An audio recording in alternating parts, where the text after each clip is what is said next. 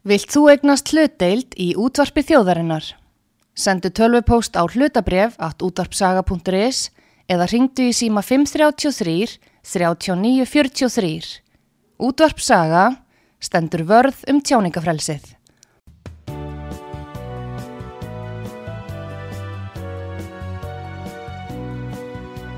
Sýteðis útvarpið á útvarpi sögu í umsjón Pétur Skunlökssonar.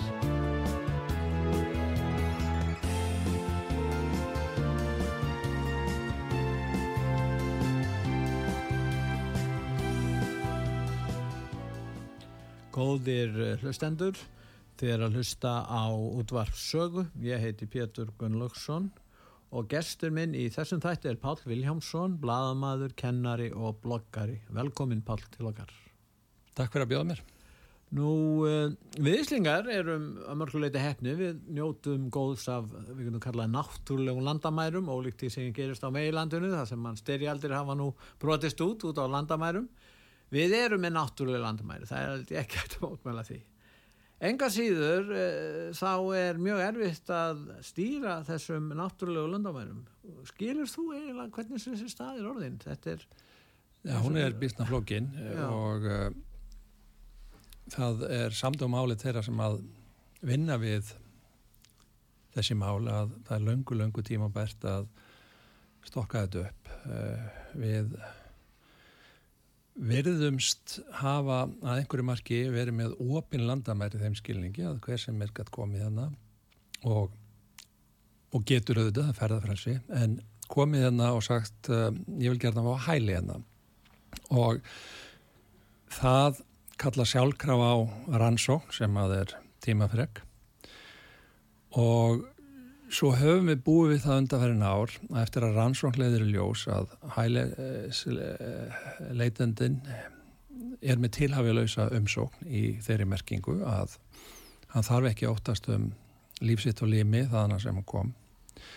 Að þá eru fyrsta lagi formlegar áfríðunarleðir sem að tæfja málið og í öðru lagi sem að hefur borðið á tölvört upp á síðkastið að það koma fram einstaklinga, ég vil þingmenn kvartir af fjölmiðlum sem segja að það bara megi ekki fara eftir lögum og segja við hælisleitandu sem að kom ekki á þeim fórsöndum sem að réttlæta þeir fái vernd eða hæli að þeir fara úr landi og þá er aukatriðunum blásið upp og sagt uh, núna ætlar útlendingastofnun að taka af fjárstuðning til hælisleitanda og þá sé það einhver mannvonska þegar að engangu er að fara eftir reglunum. Þingi samþyktu það? Og hælisleitandin á að fara úr landi, hann er hér ólöglegur og þá að fylgja lögum og það er þingri en tárun taki að horfa á þingmenn og hlusta sem byrjinist hvetja til lögbróta bara því að þeirra sjónamið er að ekki að vísa neinum úr landi, hér eiga að vera opinlandamæri, en ef við myndum búa við opinlandamæri, þá væri ekki með neinn lög í landinu því að maður færi bara hér enn út til dæmis og þetta, ekki með neitt velferðarkerfi nei, eftir ákveðin árafjöld ef við byrjum á þessu algjörlega við erum bara framandi þjóði í eigin landi.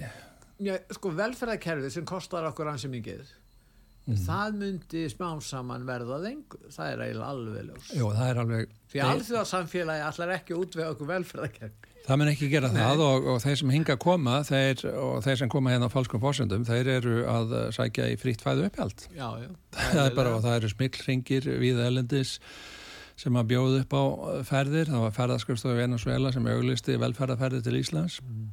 og þetta er auðvitað hluti af stærri vanda að Vesturlund búa við velmögun sem aðra þjóðir bú ekki við.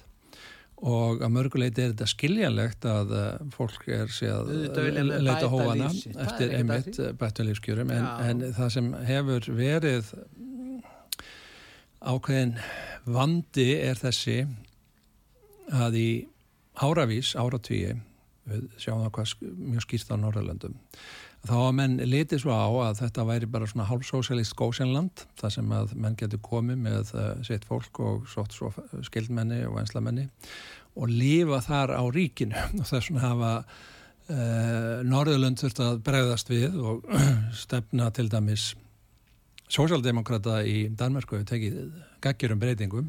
Núna kappkástaður að senda þau skilaboð til uh, þeirra sem að higgjast koma til landsins að þú er komið hérna til að taka þátt í samfélaginu, ekki til að lifa á velferðinni. Og í öðru lagi takmarka mjög uh, viðtöku flótta á hælisleitenda. Sam er að gerast í Þýskalandi því að á endanum ef að þetta er stjórnlaust þá líða þessi samfélagin sem við þekkjum undir lok. Það er bara svo og svo mikið sem að hérna, samfélag geta þólað að taka inn af nýju framandi fólki. Vilja sumir að þessi samfélag líða undir lok? Ég held það, það er ákveðin, það er ákveðin, ákveðin menningakímar bæði hér og öðrum vestaranríkjum sem að fyrirlíta uppruna sinn, fyrirlíta uh, vesturlönd, fyrirlíta vestrana menningu og vilja koma henni fyrir kattanef með leint og ljóst. Það er alveg tilfellið Já. og þetta, þetta sjálfshattur uh, sem að byrtist í að það er einhver ákveðin manngerð, hvítir miðalda kallmenn sem eru útrópaðir sem eh, heimsins vestu, eh, vestafólk sem að ber ábyrða öllum hörmungunum og þetta er í mjög mótsagna kendum uh, andað þetta eins og öfgar eru vanalega. Annars vegar hafa menn uh, samfélagi eins og þeir sem er þess eðlis, það er að tala um vestrana samfélagi, það sem að ótöl fjöldi manna ellendir frá týjir miljóna vilja koma og lifa hérna af því að hér er gott að lifa. Þeir eru að flýja einhverja staðháttu sem að jáfnvel býður upp á miklu betra veðufar en ömulegt líf. Og svo eru þeir sem eru hérna sem vilja leint og ljóst eh, þetta samfélagfegt sem að finna því eh, allt til foráttu. Þetta er mjög mótsagnakend svona þróun en, en við lifum í mótsagnakendum heimi og Það sem auðvitað hefur gest á þeim tíma sem við við fullorðnast svona eh, frá því eftir að við höfum færtu í pluss að þá hefur komið ný tækni, eh, samfélagsmiðlar sem gerir kleift að útbreyða alls konar hugmyndir eh, sem sum, sumar er eitthvað værið í en sumar eru bara gjörsamljútt í bláinn og standast enga skoðun. En að því að það er hamrað á því að þá verða þetta svona viðtaknar hugmyndir. Og við sjáum þetta niður í svona smáatriði eins og hvernig til dæmis ríkisútvarpið hefur með, verið með mjög einhliða málflutning sem samfélagsmiðl fyrir ekkar heldur en fjölmiðl um að þetta og hitt sé að hjá okkur með því að eftir að við hefum búin að taka við uh, umsóknunum um hælisvist við þá merkingunni stjórnvöld hér fara yfir það og segja að þetta stendst ekki, þessi getur ekki fengið hæli, hann þarf að fara, að þá sé samt eitthvað bóið við það að þannig ríkisfjölmiðil að grafa undan ríkinu. Já. En, en það er allir hlutvært líka þeir sem vilja hafa opið landamæri segja gætnan, já það vantar vinnuafl það er eins og þeir haldi að með því að hafa opið fyrir hælisleitendur sem kom aðalega frá þriðja heiminum þeir sem búa á Euróska efnaðsvæðinu 470 miljón manns, þeir geta allir unni hér Einmitt. það er frjálsför hinga til landsins Já. og það er við atvinnleysin þeir geta komið hingað en nú er búið að ákveða það að þeir sem við utan þetta Vafki vil það að þeir getur komið hingað og, og þeir svo bæta við að þarna séum að sækja vinnuafl. Þetta hefur sko, ég verið að skoða tölu frá Svíþjóð, þetta fólk er ekkert að fara í vinnu þar, hvort sem Nei. það kemur frá Senegal eða Sómeli þáttaka, þáttaka kvenna að koma frá Múslimaríki þarna og hlaða niður börnum nánast null einmitt. í vinnu Já, já. Akkur er menn þá að tala svona er þetta enn einn blekkingar Þetta er enn einn blekkingi, sko, við erum að efnaðs, európska efnaðsæðinu, það þýðir að eins og þú sagðir að uh, þeir sem að koma frá ríkjum Európa-sambandsins koma og þeir koma hérna í þúsundavís og þeir Já. koma hérna til að vinna Já. sannhanlega, við höfum reynsla af því og, og gera okkur gott og þeim vantala sjálfum. Þeir eru að velja að setjast hér að og þetta eru hlutaðin sem er hér eins og við í gamla daga þekktum í vertiðavinnu en hluti kemur innan til að stofna fjölskyldu og, og búa hérna til, til langframa Það er allt, allt annað heldur en hælisleitendur. Við sáum fréttir, það eru einhverjur hælisleitendur sem búin að vera þrjú, fjögur ár á framfæslu og upp í Nýgeríu til dæmis? Það sem ekki framfæslu eins og ofinbyr einmitt. ekki nema bara þetta venjulega ættbálkastríð sem verður alltaf í Jú heimurinn er bara þannig að því miður eru átök við um heiminn og Ísland, íslensk, íslensk samfélag og íslensk menning myndi líðandi lok löngu, löngu áður en að sæja högg á vatni í flóttamanna fjölda heimsins ef við myndum hafa opinn landamæri. Við værum á undan Þýskalandi Við erum bara gestir í eigin Já, landi og, já. og við höfum hort upp á þetta. Gerast á Norðurlöndum og þau greipu til ráðstafana, það er til dæmis núna á Norðurlöndum, Fraklandi, Englandi, Þískalandi þeir sem að eru fá hafnað hælisvist, þeir eru settir á sérstakar gemslumistuðar með skertu ferðarfrælsi og þangar til að þeir fara úr landi og þetta, fólk ef það sýnir láma svirðingu því landi sem það er þó að sækja um leifi til og þetta er bara niðurstada þú átt ekki rétt á hælisvist, gjör þess vel farið heim. En þá rýsa upp hér þingmenn með þessi sem er í tvöfaldir vinna annars vegar sem þingmenn og, og lögfræðingar fyrir þetta sama fólk og útmála Ísland og Íslandinga sem einhverja hérna, einhver voðamenni sem að uh, tak ekki við hælinsleita sem nýðinga nýðinga þetta, þetta er skammaleg framist að þessara þingmanna. Því að þegar að þingmenn stiga fram og, og gefa okkar samfélagis einhvern mm. þá eru þau byrjins konur í stríði gegn eigin þjóð. En það vantar svo mikla vittneskjum öll þessu mál, til dæmis fyrsta spurningin hvernig komast allslausir hærisleitandi til Íslands mm. án skilríkja? Já, og ekki bara fullorði fólk eða hvað er nú fullorði næstaklingur reynda, það fyrir nú að vera vandamál í postmóteinískum heimi en, en fylgdalög spöld, það verður að tala um þessi 105 fylgdalög spöld, nú skulum ganga út frá því að, að þriðingur þeirra séu yfir aldrei og séu að ljúa til því að það má ljúa í, í þessum öfnum en, en hvernig, þannig eru kannski ábyggir að tveir þriði og allir í 8 ára aldur að koma hingað fylgdalus með hverjum, hverjum komum þetta eru skipulegðir smekkringir sem að, sem að sjá um þetta og það er ekkert sagt um þetta já. nei, það er ekki fjallað um þessa hlið málana já, já, og hvað eru fjölmiðlar að upplýsa? Hvað eru umbóðsmaður barna menn eru að, að kaupa sér fyrir 500 skrónur ferða mandráfsfleitum yfir Ermasund frá Fraklandi til Englands. Þannig að það er óhemju peningur í þessu og það eru smillringir sem að hreinlega gera út á þetta. Það er verið að gera út á vestræna velferð, eh, vestræna hérna, gesturistni með því að flytja fólk ólöglega yfirlandamæri inn í uh, ríki þar sem þeir eiga engin tengsl við og eiga ekkit erindi til og krefjast hérna eh, fæðis og uppehals og, og einmitt þeir sem að kaupa sér þessa eh, ferðir þeir þurfa að punga út hundruðum þúsunda króna þannig að þeir eru einhver stað með pening. Já, eðan ef þeir borgi setna skiluru, möguleiki möguleiki það er auðvitað einalli frásagnar það er farið til Ítalíu, það er nóg af hóruhúsum. Mm. og það er sagt að það er farið til að borga skuldina mm. þá fara þær að vinna á þessum vændiskössum þarna oh. og síðan koma þær kannski til Íslands og segja að þær hafi verið í mannsali og misnótaðar og ef þær fara tilbaka þá verður þær aftur að fara inn í, inn, inn í þessa starfsynni Þetta, sko, er umræða Ítali er ekki einn hórukassi sko. Nei, ég meina þetta er umræða Við báðum komið ángað og hérna, ég sá ekki tóru sem var reyndar ekkert að leita að þið en hérna En ég, ég skil hvað það er svona að segja, það, það eru búna til sögur, auðvitað kemur þetta fólk með sögur, það eðilegur, reynir að eðilegja fórt í sína, uh, vegabrefin á kemlaugvelli, bara störta þeim í salernið og hvað þeina. Og svo býra til sögur sem heldur að selja og uh, að því að það eru tölverið peningar í spilinu, þá er það undirbúið, þú ætti að segja þetta og þetta og þetta vegna þess að það selst ofan í yfirvöld. Svo fara yfirvöld að aðtöða þetta og hvort þetta stemmi og þá er þetta bara tilbúna sögur. Þetta eru falskar uh, umsóknir og þá ættu allir rétt sínir menn að saminast um nú þá senda þetta fólk tilbaka. Já. Það er eina uh, lögmæta og rökrétta og skinsamara og mannúðlega ástæðan. Því ef við höfum förum hinaleðina, opin landamæri Nú, þá búum við bara í lögleysulandi. Það, það er ekki tekið teki mark á íslensku löglu. Sko, menn hafa sagt hér á Íslandi er ekki þessir, þessir svo kvöldu, hvað kallar það, populísku flokkar. Mm. En ef það koma náttúrulega týjur þúsunda við það og hælisleitendur og, og þá kemur að því að, að margir missa þólinnmæðina.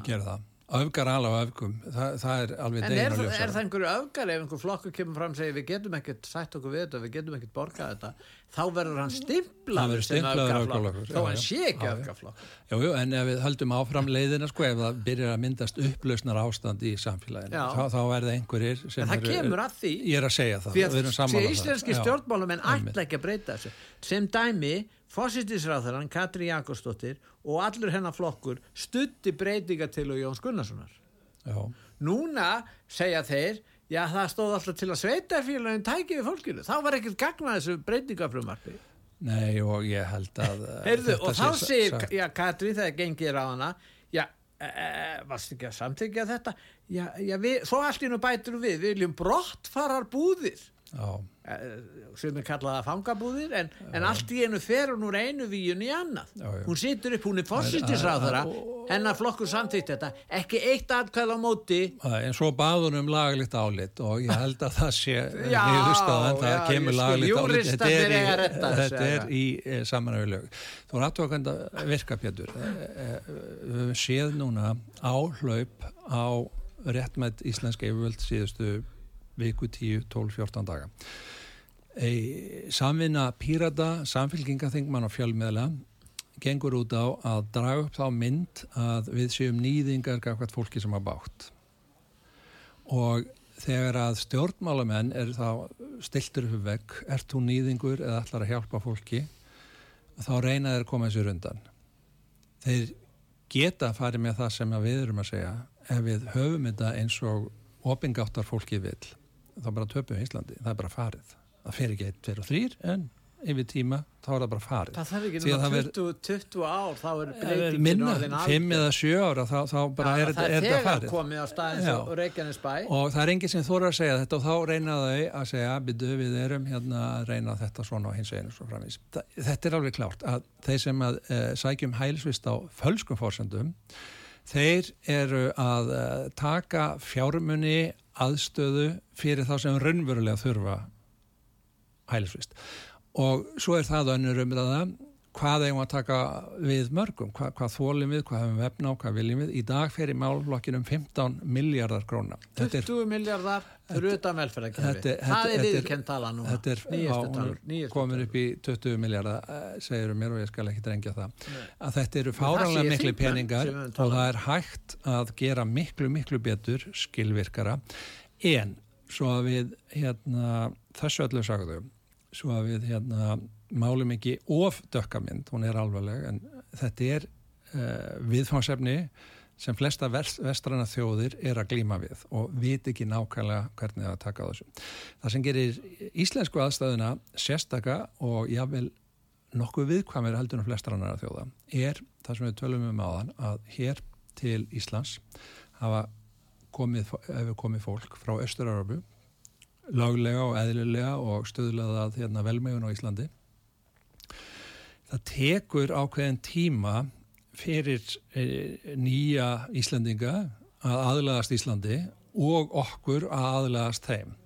Og ef við bætum ofan á þetta stjórnlegsum innflutningi á hælisleitendum þá erum við bara með uppskrift að sprengjefni sem þú varst að uh, koma inn á að einar öfgar kalla á aðrar öfgar það verður bara á endanum barið í borðið og það verða atbyrðir og uh, samfélagsstróun sem viljum ekki sjá. Það er svona ef við tökum að þessum skynsemi núna og allir sem að koma nálat uh, útlendingamálum segja að það þarf að vera skýrara og ákveðnara fyrirkomuleg um hvernig við tökum á þessu.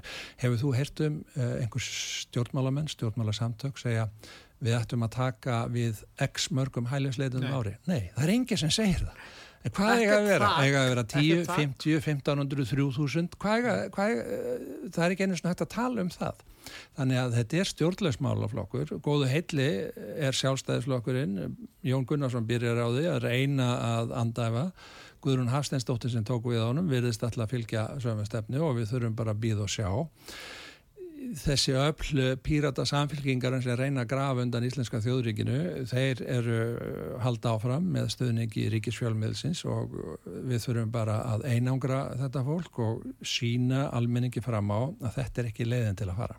En við sjáum áróðurinn. Þannig eru kannski tvær, þrjár konu frá Nígeríu, það eru út að gangstjætt, að búið að kasta þeim út úr húsinu, það er kannski öskra þarna fróðufellajabel fyrir framann myndavélarnar og þetta er auðvitað mjög sorglegt að horfa upp á þetta fólk á mjög bátt með að horfa upp á þetta og þannig að... Hver er allir ráðlíkja með alltaf? Artís Anna Þingmaði Pírata eða Magnús Nordal borgar, varaborgarveldur séu þannig að ráðlíkja en búið til dramatík fyrir fjölmjöla. Þetta er sviðsetning. Já, þetta en, þetta svínvirk Já, það gerir það, það gerir það það. það Svo koma fjölmiðnar í kjál- kjálfærið og, og reka upp hérna hljóðunum eins og bissisting að Já. ráða mönnum og segja ætlast þú að láta þetta líðast og svo framvegis. þú orðið var við rasism á Íslandi og engi veit og, já já Jú, þetta er sorglegt og, og þetta er bara þannig sem að uh, samfélagsfjölmiðlar virka og, og óvandaði stjórnmálamenn. Já, en sko það sem er svolítið sláandi við, eins og ég talaði mig upp að við við erum með okkar náttúrulegu landamæri. Mm. alveg eins og við erum með okkar náttúrulegu græn orku. Jú, jú. og við erum, ættum að vera öfunnsverð en við, þetta er alltaf heimatúpu og vandamál hjá okkur. Við erum að klúðra þessu algjörlega sko, við þurfum ekki að klúðra þessu. Hvort sem það er græn orkan eða landamærin okkar en við erum samt að því vegna að við erum að reyna að herma eftir því sem er að gerast í vandraðagangi annar stað þess að þeir búa við sín vandamál í samband við orkuna þá hefum við að vera fórnarlöfum þess líka. Vegna þess að það er allt í vanda í, í ungu og allstæðar vandamál í Evrópu út af þessum innflytjandamálum þá þurfum við að vera þólendur líka. Við megum ekkert uh, horfa fram hjá því. Okkur ber einhver siðferðileg skild að láta okkur líða illa út af stefnin í umflytjandamál Jú, jú. Af hverju er þetta? Jú, það, það kom aftur að þessu sko, hérna, uh, þessu menningar kemum sem að uh, fyrirlíta hérna, vestrana menningu allt það sem hún stendur fyrir. Þeir eru líka sína talsmenn. Þetta er allþjóðlega hugmyndafræði. Hún hérna, hefur skotið rótum hér og, og hérna er uh, svona háar minni hluti sem að vill meina annars vegar að, að við séum óverðug og hins vegar að þeir sem búa langt í burtulandi séu verðugri og út af fortíð okkar, þá erum við að skammast okkar og leifa fólki að koma hingað inn á skítum skónum. Og, Það verður hvítur kynstopp sem berum ábyrð á, á þrælahaldi í Rameríku e, e, Einmitt þessu orðræða og, og svo eru án efa einhverjir velviljaðir sem er ekki með fordama gagvart sínu Nei. samfélagi sinni Nei, nei. þjóð sem hugsa sem svo við þurfum að hjálpa nöðstöldum og það er fallega hugsun en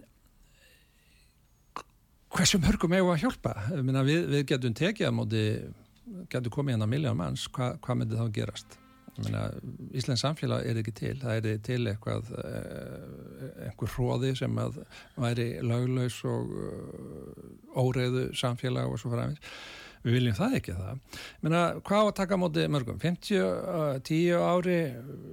Ég verið talsmaður þess vegum að setja okkur markmið taka á móti einhvern x mörgum gera bara- vel við, við þá og, og sjá til þess að þeir aðalagast íslensku samfélagi. Síðan fyrir ekkit mörgum árum var þetta sjónamið í umræðunni að hvað er að taka á móti mörgum og gerum þannig Við við höfum eitt viðmið. En núna bara- á bara opna landamæðurinn og leifa svo flega stjórnlust inn. Við við, við skilgreiningu saminu þjóðan og flóttamanni.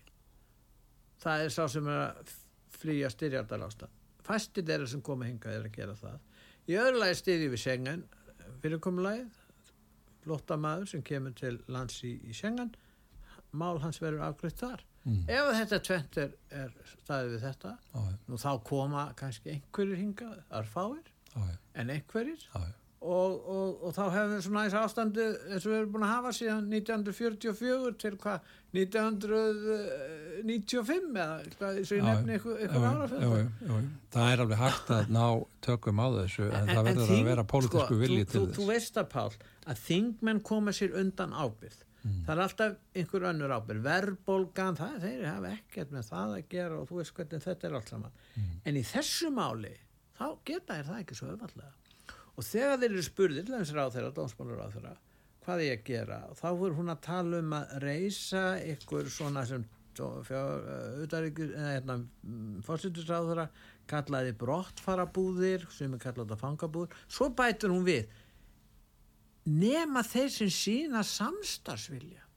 Býtu við, hér er maður sem að hefur komið hinga, búið hérna í fimm ár hann er búið að samþykja að hann fara landinbrott, hann neytar því eftir 30 daga en ef hann sýnir samstarfsvilja eftir hvað er átt við með því Ég Sko, skildi, þetta- ég skildi það þannig að hann fari úr landi sjálfviljur, ég skildi það hún þannig sagði það ekki Nei, en ég ímynda mér að það þýði það að þá sína samstarfsvilja, samþykki að fara á landi, þá fær hann farsiðilengreitan og hann er farin úr landi. Hann er bara hlýða.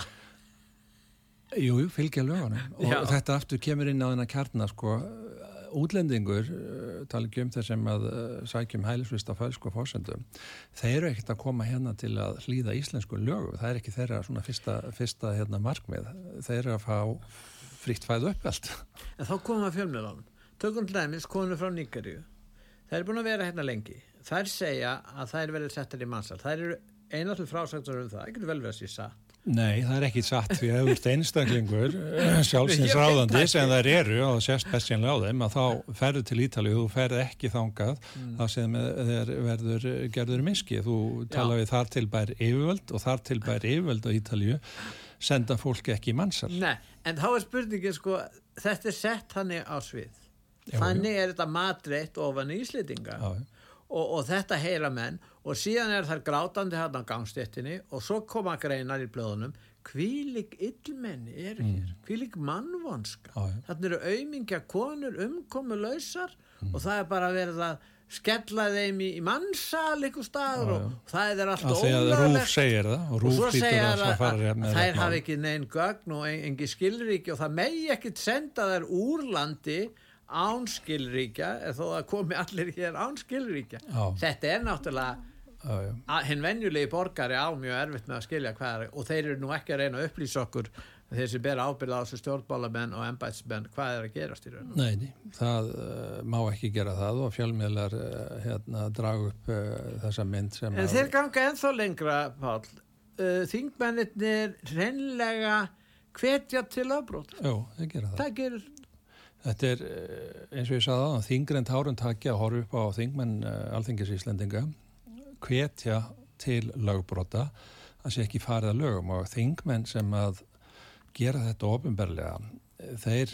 þeir eru í stríði við þjóðina. Við, við erum með sameileg lög hérna. Kringmenn, löggafinn að brjóta lög ofinberlega í fjölmiðlu og, og, þetta það sem að gerast og þeir eru bara mjög hánaði með það. Já, einmitt, þetta er og þeir hafa verið þess að hagsmunaður já, já, þeir, þeir þykja hérna pening fyrir að vera lögfræðingar uh, hælisleitenda og bú, setja svona sviði eins og þú varst að lýsa það sem að fólk býr til dramatík og þarfram til göttunum til að selja þjóðuna falskum fásendum þá hugsun að ef við erum með ofin landamæri þá leysum við heimsins vandamál. Við gerum það ekki. En það tala um að þeir hafið þarna hagsmunni en það eru fleiri sem hafa hagsmunni af þessu. Og þá er spurningin hví bóna, hver hefur hagsmunni af þessu? Hverjir er að taka inn á þessu? Þeir sem taka inn á þessu fyrst eru smilkringinni sem að hérna, sem er starfandi sem að koma fólki hérna í þetta svo er Rauðukrossin er með stór fjárframlög til að sjá um þetta og það eru lagfræðingar Rauðukrossin sem er á ríkislaunum sömur þingmenn og þeir hafa hagað þessu. Þannig að það er ákveðin yðnaður á bakvið þetta. Hver margir eru tektum fyrir að selja eitthulif? Ári, ég veit Hva? ekki. Akkur heyrum við ekki meir um það? Ég minna þeir eru aðvölu, þeir hafa ekkert að gera. Nú er ekki að segja uh, það er mjög frestandi fyrir þá. Að, að selja einhverja póka hér. Þeir sem koma eitthvað? Já Já, ég þekki ekki, ég þekki það ekki, ég, ég, ég bara veit það ekki. Akkur er ekki greint frá því hverjir það eru sem eru teknum? Við vitum vel að mjög margir sem eru dæmdir hérna, eru dæmdir. Jú, og, og það, það er auðvitað það sem að við höfum nóga íslendingu sem er í þessu það er, það er engin, engin skortur á það, því sko. það er auðvitað það sem að er borlegjandi reynsla frá öðrum ríkjum vestarunum sem taka við ótalum fjölda að fólki frá framandislóðum framandi menningarheimum yfir lengri tíma þá sést að það er óæðilega hátt hlutfall af uh, dómum sem að falla á einstaklinga Já. úr minnulutahópum þar sem að glæpa gengi þrýfast. Þíska ríkistjórnin var að reyna að gera uppreist gegn þessum klönum eins og þau kallaða sem Já. eru skipilög glæpa samtök og, og hérna þá komi óðara mannetindalögfræðingar og segja þetta mikið og svo framvegis. Þetta Já. er þekkt og ef að fólk hefur engar áhyggjur af þessu, nú þá opna með landamærin og, og gera samfélagstilurinn sem við vitum öll hvernig endar. Hún endar með upplausn og óerðum og öfgahyggja og báðabóa eða við tökum á þessu núna og segjum við, við þurfum að varast þessa hluti, við þurfum að ná tökum á þessum strömi Nýtum okkur náttúrulegu landamæri Já, engi spurning. En sjáðu til dæmis höfundæmi frá bandaríkanum í stórborgunum þar. Mm er, hvað heldur þú að þessi eidulifja útbreysla hafi skafað minnilutahópi í bandarík? Já, skafað það mest. Hvað að langsanlega vest? Já, já. Þeir eru náttúrulega í þessu vegna þess að, og, og, og líka eins og eins fyrir aðrir, en þetta hefur stór skafað möguleika þara já, til bara að komast áfram í samfélagi. Já, já það er vitað að, að, að þeir, þeir sem að standa höllum fæti það mun alveg gerast hér á Íslandi þegar við erum kannið með 50 spanna minnhlutahópa hér á Reykjavík svæðinu mm.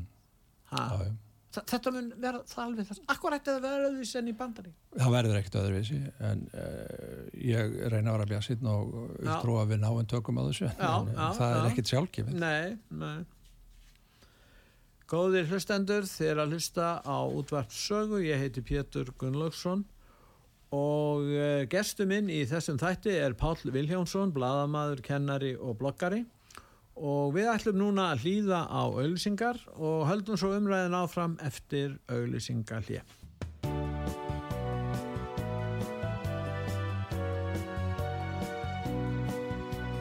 Sýteðis útvarpið á útvarpisögu í umsjón Pétur Skunlökssonar.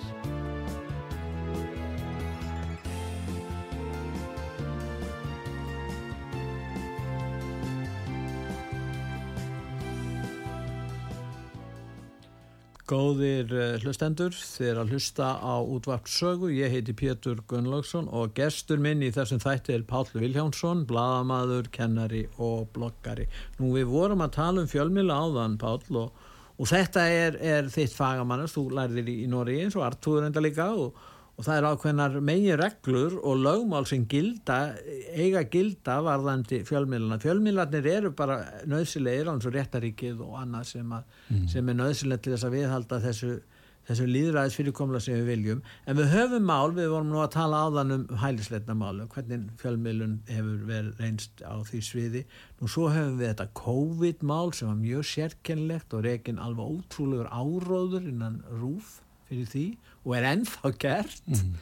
og síðan höfum við til dæmis mál sem þú hefur nú bara einn mannar ansakað, þú er eins og komið til mín og rætt um það, það er þessi kæra á hendur bladamönnum og akureyri sem mm. engin fjölmiðl læði að taka fyrir að neinu leiti nema þú rannsakaði þetta og þetta mál er ennþá hjá lörglunni Uh, ég veit að það er erfitt kannski að útskýra hvers vegna þetta er svona en hvað, hvað hugmyndir hefur þú um það? Hva, hvað er að gerast og er þetta nokkuð að breytast og verður þetta ekki bara svona að, að þetta heldur áfram með þessum hætti? Rúf er svo öflugt, fá sína, þeir eru ekki að fá 5.000 miljónir, þeir eru að nálgast 6.000 miljónir á ári. Já, já, já. Þú nefndir upphafi að uh, hér áður var ákveðin fagmennska í fjölmiðlum og menn virst ákveðin svona megin reglur og, og reynda að fylgja þeim og þetta mannum stundum á í messunni og Já. þá hafði það afleiðingar uh, stundum, stundum ekki. En það sem hefur gæst núna á síðust árum er að samfélagsmiðlun og fjölmiðlun er að nálgast og hverjir eru á samfélagsmiðlum? Það eru svona aktivistar uh, áhuga menn um ímismálefni og svo framvegis. Mm Og svo þessi það sem við kallum pólitískir aktivistar sem að vilja breyta samfélaginu og þetta hefur smítast inn á fjölmiðla og að því þú nefndir máliðans nafnamins Pál Stengri svona skipstjóra sem að er svolítið þess aðeins. Þarna er uh, rúf í samstarfi við tvo miðla, kjarnan og stundina í ákveðinu herrferð gegn hérna, samherja Eh, þeir eru með Namibíumáli svo kallaða 2019, það fellur dettu niður dött, það var ekkert þar en þá bygguð þeir til eh, mál, ofinbert mál á hendur samverja sem fór síðan í rannsókn hjá löðruglu og skattaæfjöldum og það er ekkert komið út af því. Og svo 2021 uh, eh, vorið þá hérna öndilaði fjölmiðlana var Páli skipstöra byrlað, símhansstólið hann afritaður og efnið flutti yfir á Rúf fyrst og þaðan á Kjarnar og stundina sem heita núna heimildin eftir því saminist. Þannig er Rúf ekki að segja frettir, er hluti af málinu? Þeir eru hluti af málinu og þegar það kemst upp og nú skulum við vera með á hreinu það verður ekki komist upp í öðrum skilningi þeim að ég hef verið að segja frá þessu Rúf hefur aldrei viðkjent aðil sína en hvað hefur gæst þannig að haustið 21 þá var tilkynnt að Rakið Þorbergsdóttir þá var endur fréttastjóri skildi hætta um áramótin hætti Helgi Seljan e, núna fyrir nokkru mánuðum hætti Þóra Arnósdóttir þetta er allt afleðingar af þessu máli. Líkilmenni hjá Rúf. Sem að komu að þessu máli, Rakel sem yfirmaður að frettastofu og það er engin sko viðkenning af hálfu Rúf sem likur fyrir. Lauruglar Ransson hefur staðið frá því, yfir frá því að hann, uh, Pál uh, eh, skipstjóri, kærði þetta 14. mæi 2021. Þeir voru um það byrj komnir með uh, nýðustöðu kringum síðustu áramót þar sem að stóð til að kæra annars vegar einstaklingi sem byrlaði, Páli, sem var þá er þetta eiginkorans, hins vegar fjóra til fimm bladamenn fyrir það hvernig þeir komu að málunu eftir að símanum var stólið. En þá kemur á daginn þeir fá gögn uh, lauruglan sem bendir til að það hafi verið samskipti milli bladamannina og þá er hann daginn konu skipstjórnars um að framkama þetta þeir fá ákveðnar upplýsingar og svo sækja þeir eh, eftir, sækjast þeir eftir tölvupostum konunar Google, eh, Google tölvupost og þurfa þá að leita til Google í bandaríkjunum og þetta er að gerast núna um og upp úr áramótanum samlega því sem það kemur á daginn að RÚF hafi keift síma, samskonar og símaskipstjórnans í april áður en hún var byrlað sem er enn annars staðfest ekki af því að þeir vissu á hann myndi vera byrlað. Utaríkisaðanendið núna í vor kom til aðstóðar lauruglunar akkurýri til að fá upplýsingar frá Google í bandaríkjunum um þessi tölubórsamskipti sem muni þá sína hvaða samskipti, hvers eðlist þau voru í aðdraganda að Páli var byrlað 3. mæ 2021 síðastæðin frett sem ég, þær síðustu frettir sem ég hafði frá því vor er að það hafi verið trekt að fá þetta. Þetta á að liggja fyrir. Lörglann er búin að fá þessi gang gegnum utaríkistjóðanstöðun Utaríkistjóðanstöðun kom og aðstóði lögurglann að fá þessi gang en ég hef ekki staðfenstu á því enn Nei. að þessi komin í hendur lögurglannar lögurglann leitaði til utaríkistjóðanstöðunar eftir að það hafði verið einhver treyji af hálfu Google að aðfenda þessi gögn. Já. Og vorandi fá þeir þessar upplýsingar og þá mun uh, liggja fyrir hvers eðli samskiptin voru áður en Páli var byrlað en það sem við vitum nú þegar er að það voru þetta var fyrirframskipulagt uh, menn fluttist um set á að frettum aður af rúf sem fór yfir á stundina förstu degi áður en Páli var byrlað á mánudegi. Þannig að eh, kringustæðun að segja þetta var skipulagt. Og að við vorum að tala almennt um fjálmiðla sko. hvernig í veröldinni getur það gerst að fjálmiðl til og með ríkisfjálmiðl taki þátt í svona? Jú, af því að það er komin ákveðin svona pólitískur aktivismi inn í reittstjórnina segir bara við erum með þetta mál. Þetta er það sem við ætlum að hafa niðurstöðu um og niðurstöðan á að vera þeir segjast vera progressífir fréttamenn. Þeir eru svona framsakir þeir sem að vaða yfir lög og reglur og beita algjörlega siðlausum aðferðum eins og það að uh, byrlamönnum stelagögnum sjáðu Fjölmiðlanir, allir þrýr, Rúf, Stundun og Kjarnin sem heita núna heimildin, þeir vissu í kringum 20. mæ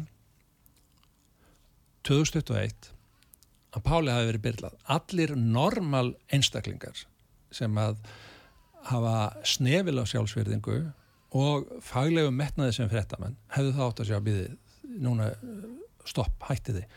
Þetta er farið á lánt. Ef að fjölmiðlar taka þátt í byrlun eða fá hagnaðin af byrlun sem er lífshættuleg þá getum við ekki lengur verið með við erum farin yfir öll siðleg og lagaleg mörg en ekkert slíkt gerðist. Þeir heldu bara áfram af því að þeir heldu að þeir kæmist upp með þetta. Og hvers vegna heldu þeir að þeir kæmist upp með þetta? Vegna þess að þeir eru með ríkisfjölmiðlin ríkisfjölmiðlin er líkill fyrir alla stjórnmála menn að almenningi landinu. Þannig að það er ógnarvald sem býr þarna á efstaleiti. Þetta er fjölmiðl fjórflokksins. Þetta er fjölmiðl uh, stjórnmála elitunar Já, og, og allir og Hinir vill. Já, hinn eru svona jað, jaðarmiðlar og svo þetta var verkskiptingi þessi við vitum alveg út frá staðsendingabúðina eða í síma pálskipstjóra að síminn fór frá landsbytalunum að það sem hann lág á gjörgjæslu yfir að eftirleiti, þar var hann efriðtiður það bara liggur fyrir, síminn var þar. En byrti rúf einhverja frétt? Nei, þeir útvistuðu fréttunum til stundarinn og kjarnas sem byrtu það samtímis morgunin 21. mæ 2021. Þetta er þaulskipulagt, þetta er glæpsanlegt afbrott en hversu margir fjölmiðla fjallum þetta afbrott? Þeir eru ekki Þú, margir. þú talar um upplösnin í fjölmiðlum út af sarskiptamillanum og margir taka auðvitað undir það að sjá það. Þá segir útvarpið, við erum í þessari upplös sem er að eiga sér stað. Við erum kjölfestan. Við starfum sangat ákveðnu lögum. Við fáum okkur greitt, við erum hér með fagmenn, vel launaða. Við erum í raun og veru saltjarðar, við þá að treysta okkur í þessum efnum. En staðmyndin er svo að eh, eins og þú lýsir þessu að rúf er í raun og veru hættulegu fjölmiðla og það ætti í raun og veru að leggja rúf niður því það verður að tala um umbætur í kringu rúf það er miklu nær bara að leggja vegna þess að við höfum tækni hér til þess að sjá til þess að aðri getur ekki fjölmiðla Mhm. og haft bara ákveðin lög sem eru, sem, eru, sem eru sett í landinu sem að menn verða virða og já. ekkert öðruvísi. En að hafa svona forréttinda fjölmiðl sem þykist vera að verja sannleikan og jafnvel vísindin þegar þeir eru bara í áróðri fyrir ákveðna stjórnmála hugmyndir það liggur alveg fyrir. Já, já, það líkur alveg fyrir. Þetta er skelvileg misnótkun á ríkisfjölmjörnum og hann er búið að gangast uh, standa yfir lengi.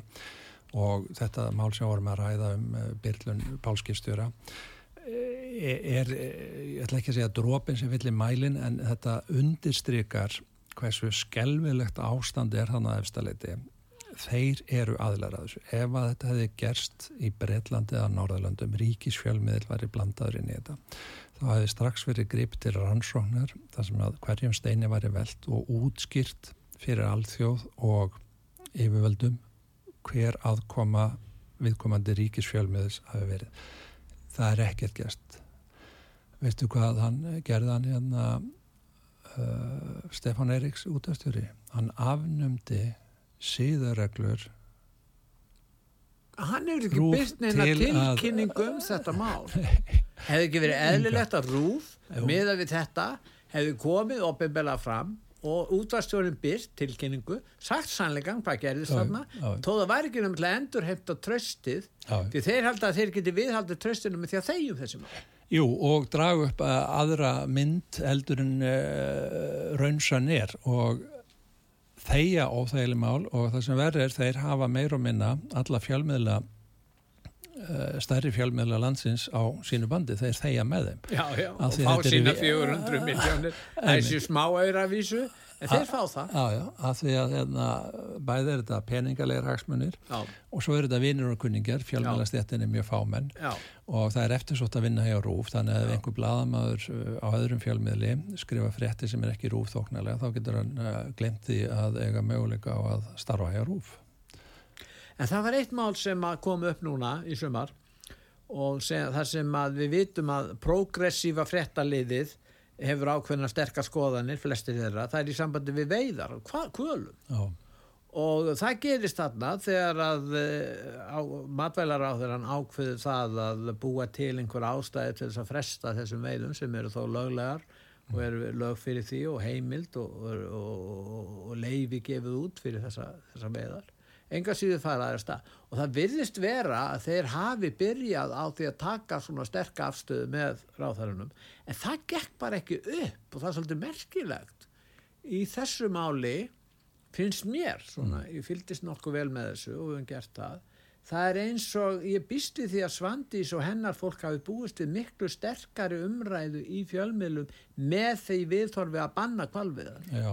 Myndu, hvernig myndu þú? Jú, ég hugsa það. Ég, þetta var uh, gert, uh, ég ætla ekki alveg að segja skjólin ættur, en það var gert bara rétt að verðið nátt að hefjast í mæ.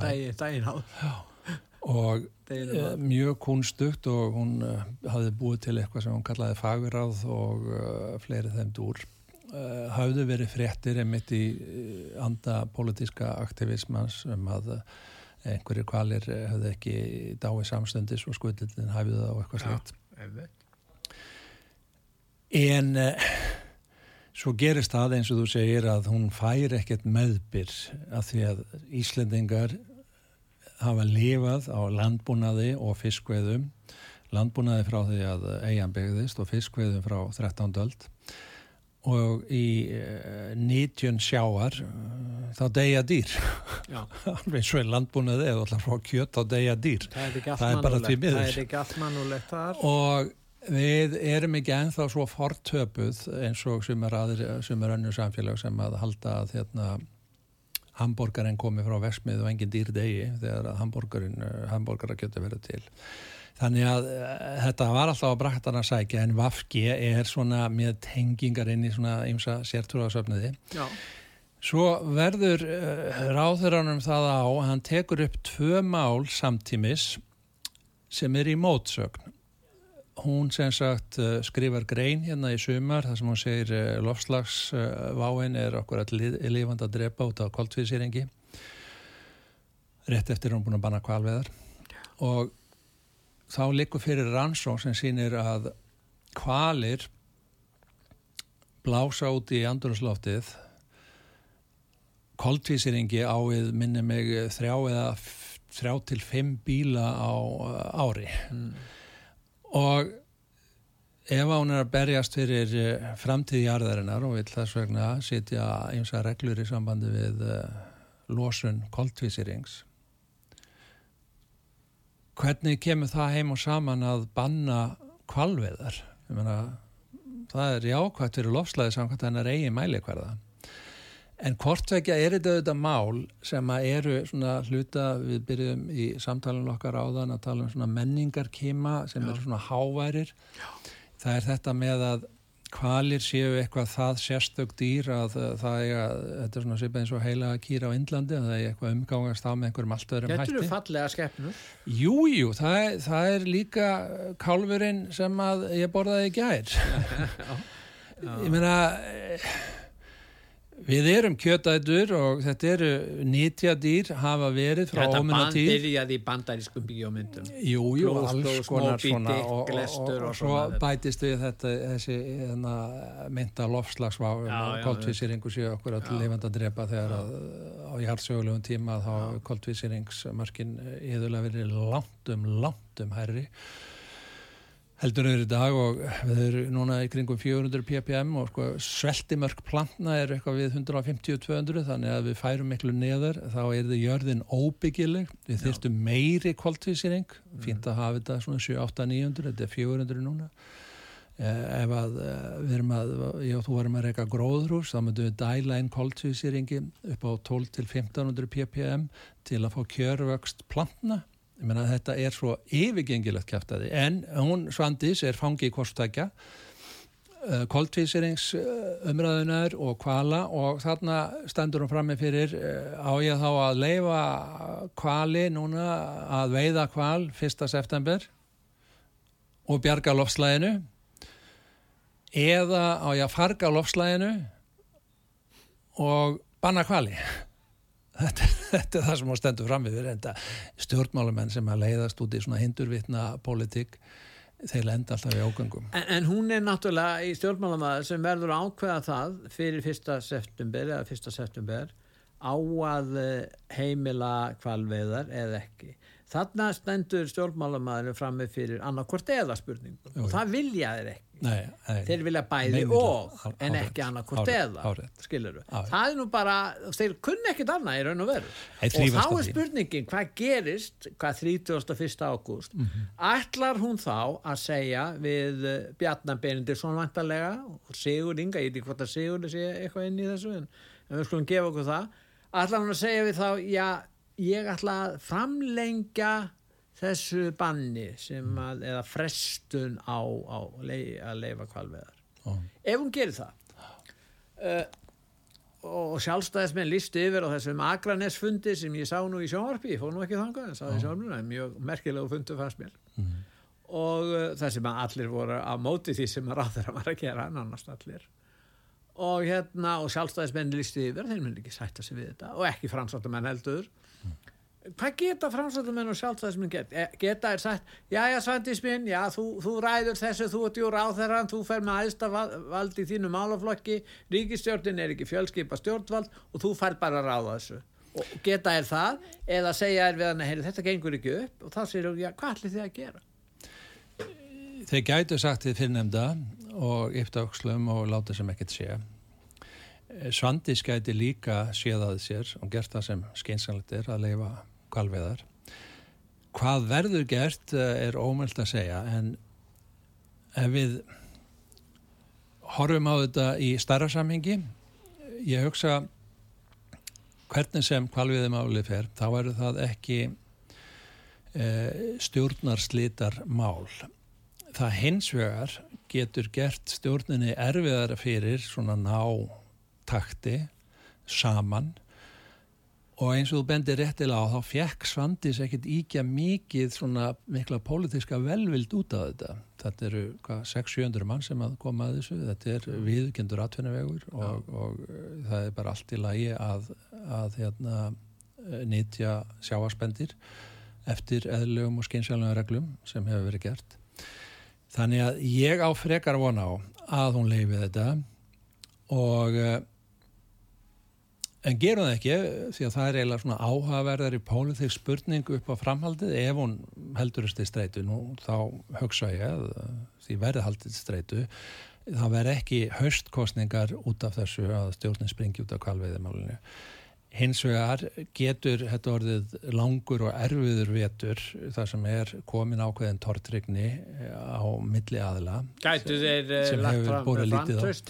ráðherra? Nei, þeir myndi aldrei gera þetta þannig Eh, ég hef ekki trú að því það, eh, sko, ég hef reynilega ekki trú á að þetta sé stjórnarsleitamál hins vegar gæti þetta mál ásamt ein- einhverjum öðrum sem að við rættu henni fyrir luta þáttanum sem hælisleitendamál og geta verið í misönnur lofslagsmál mögulega sem að gera þetta mjög súrt og erfitt. Og eftir uh, síðasta vor og, og sömar þá er mikilvægt fyrir alla stjórnaflokkana að því að það er svona að vera að siglin á setni hluta kjörtíðanbelsins að sína, getur stjórna saman sína að kunni mála meðlanir. Vegna þess að ef að þetta stjórnaminstur uh, verður dæmt dött og glata því að þau, þau bara andstæðunar á milli stjórnmálablana þryggja eru það miklar að þau geti ekki unnið saman. Þá ekki aðeins er það ávísun fyrir mikla erfileika fyrir alla stjórnarflokkana þrjá í næstu kostningum en líka almennt fyrir pólitíska ástandi í landinu. Því að ef þessir get ekki unnið saman hvaða stjórnarmynstur getum við séð fyrir okkur? Við erum með hvað sjöflokk og alþingi. Átta. Eru það orðnar átta. Það eru fimm í stjórnarnastuð og þrýr í stjórn. Já, Þeir eru átta. Já, og sko við munum alveg upplösnar ástandið í þjóðfélaginu sem var eftir hrun og þetta var pólitísk upplösnar ástand öðru fremur því að í raun sko hrunu var slæmt en það var ekkert fjölda atvinnuleysi til lengri tíma, við fórum ekki að hausun og svo framins, eigum að þakka Sigmundi Davíð það En stjórnmálaástandi var mjög óstöðugt og það veldur alls konar vandræðum. Hælinsleitenda málinn sem við vorum að tala um á þann, þau ákveðin uh, upptök sína á þessum tíma þegar allt var stjórnlaust hérna. Mm. Það voru alls konar fígúru frambúð eins og björt framtíð, það var allt í nögu ríkistjórnar aðeins, sko, fólk sem að, uh, hafði ekki hugmyndum hvað stjórnvaldi er og svo framvís. Þannig að ef að þeir núerandi ríkistjórn fyrir að klúður að þessu stjórnarsamstarfi núna þá held ég að allir þrý stjórnarflokkanir muni fá bátt fyrir. Ég hugsa að þau sjáu það sjálf og það er svona að gera þessi í brók og stjórni íslensku þjóðaskutunni skynnsamlega út kjörtíðanvili. Ég held að þetta veri þannig, mín skoðan er þessi, að Svandís vil viðhalda þessu kvalviðbanni. Hins vegar mun Katrín Jakobsdóttir segja við hana Uh, ég skilði náttúrulega vinna á allt það en uh, við getum þetta ekki því að hún leggur á að halda saman ríkistjórninu hún vil vera fósittisráð þeirra vinstri græna sem var með ríkistjórn í tvö kjartímabill ah, ja. það eru hins sögulegu skilabóð frá þessu flokki og ah. þess vegna mun hún segja Svandísi en Svandís verður, jújú, jú, hún fælst á það og þessir vinir hennar og taklingarnir sem er í kringum hana en þetta verður til þess að sjálfstæðismenn skinja það að þeir geti gengið mjög langt því að það er ekki e, þeir munu held ég e, hérna vera á herskári núna í setnum hlutanum á þessu tímabili og í mm. raun og veru sjáðir að Katrín getur ekkert gert annað en að samþykja yfirslegt sem við viljum Já, ég, ég, sko, ég, ég, ég fælst á það sem þú sagðir í fyrirlutunum þú komst að því að eh, sjálfstæðismenn séu herskáir, verði herskári þá er ég ekki alveg með Nei. því að sko þeir eru almennt ekki herskáður einstaklingar þetta eru hægfæra í grunninn hægfæra jæfsmenn með svona eh, kratísku uh, elementi já, og, og frálsöki elementi Já það er að koma upp mál það sem að verða að taka afstöðu. Já, já, já, já. Ég, ég, ég hugsa að þó að uh, Svandi sjá að sé núna og samþykja þetta og ég geti alveg trú að svona samtöl eins og þú varst að lýsa uh, gætu farið fram að milli þeirra statslistra Katrin mun ekki sætta sig við stjórnarslitt núna Nei, nei, ég held að enginn er að vilja það. Uh, og sko Já, þeir getur hugsað sér, ég við bara fáum vinstir græni fara út við getum það döga tveir frá, frá, frá, frá miðflokklum, ég tala nú um sex frá flokki fólksins, þeir eru með 30 þingmenn, sjálftæði flokkur og fransó Já Jú, ég og, Þannig að þeir eru í samlistöðu Já, en, en það er það er sko, fyrstulega er það uh, eh, fórstæðisráðar sem hefur þing, þingrósvaldi þannig, Jú, þannig að á, það er hún bóða til kostninga sko. á, þannig, að, þannig að ég það væri mjög, mjög ólíkt sjálfstæðisfloknum að fara að hugsa og haga sér svona eins og þú ert að lýsa. Já Ég ætla að vona að þetta verði gert af uh, kurtið skynsemi yfirvögun og stjórnin haldi út kjörtjáðanbilið. Já, einmitt. Nú það verður bara að loka orðin hjá okkur. Þakka ég fyrir að koma til okkar pál og ég þakka hlustandum út var sögu fyrir að hlusta. Verðið sæl.